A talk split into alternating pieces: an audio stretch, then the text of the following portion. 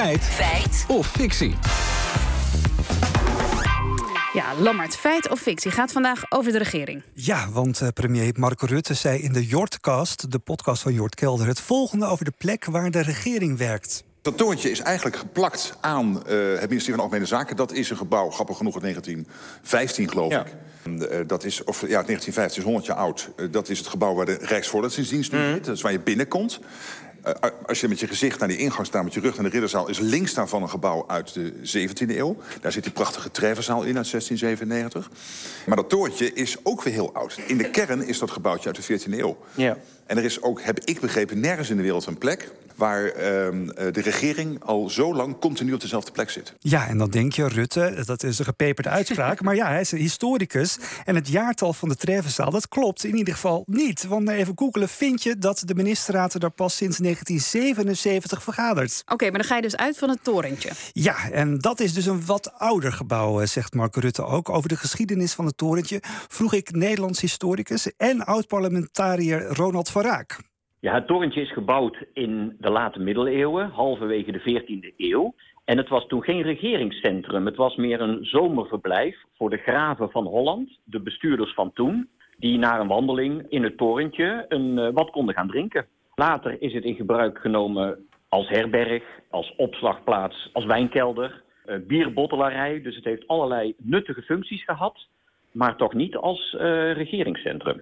Het is meer een soort café voor thee ja, en bier dus.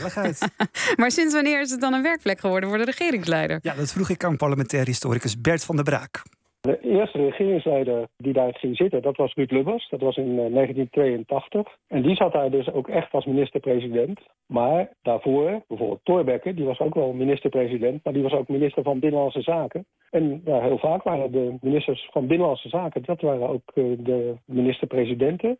Daarvoor zat er ook wel eens minister-presidenten in het torentje. Maar dat was niet de officiële werkplek van de minister-president. Ja, het torentje zit natuurlijk op het Binnenhof. Een belangrijke plek in de Nederlandse politiek. Maar hoe is dat eigenlijk ontstaan? Dat vroeg ik aan Van der Braak. Dat is historisch zo gegroeid. In het begin van de 80-jarige oorlog toen uh, kwam er een uh, staten-generaal... die zich ja, zeg maar, losmaakte van het Spaanse bewind... en een eigen zelfstandig uh, parlement werd. Die hebben toen nou, eigenlijk een beetje rondgezworven. Ook zelfs wel even in Delft gezeten. Maar uiteindelijk zijn die in Den Haag terechtgekomen. In de, op dat grafelijke kwartier.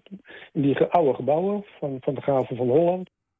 En dan weer even terug naar de uitspraak van Mark Rutte. Is het torentje wereldwijd nou de oudste plek waar de regeringsleider zit? Ja, ik vroeg het aan uh, Ronald van Raak.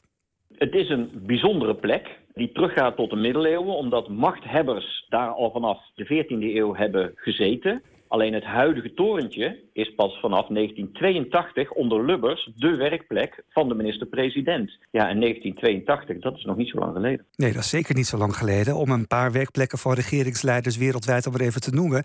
Het Elysée in Frankrijk is al uh, sinds 1935 in gebruik. Het Amerikaanse Witte Huis sinds 1800. Toen heette het trouwens nog het Executive Mansion. Sinds 1901 heet het Witte Huis ook uh, echt het Witte Huis. En dan is er nog iets dichter bij huis Downing Street nummer 10 in Londen. Groot-Brittannië is zelfs al sinds 1735 de nou, werkplek van de Rutte. Ja, het is duidelijk. De premier had hier duidelijk een uh, verkeerde actieve herinnering. Fictie.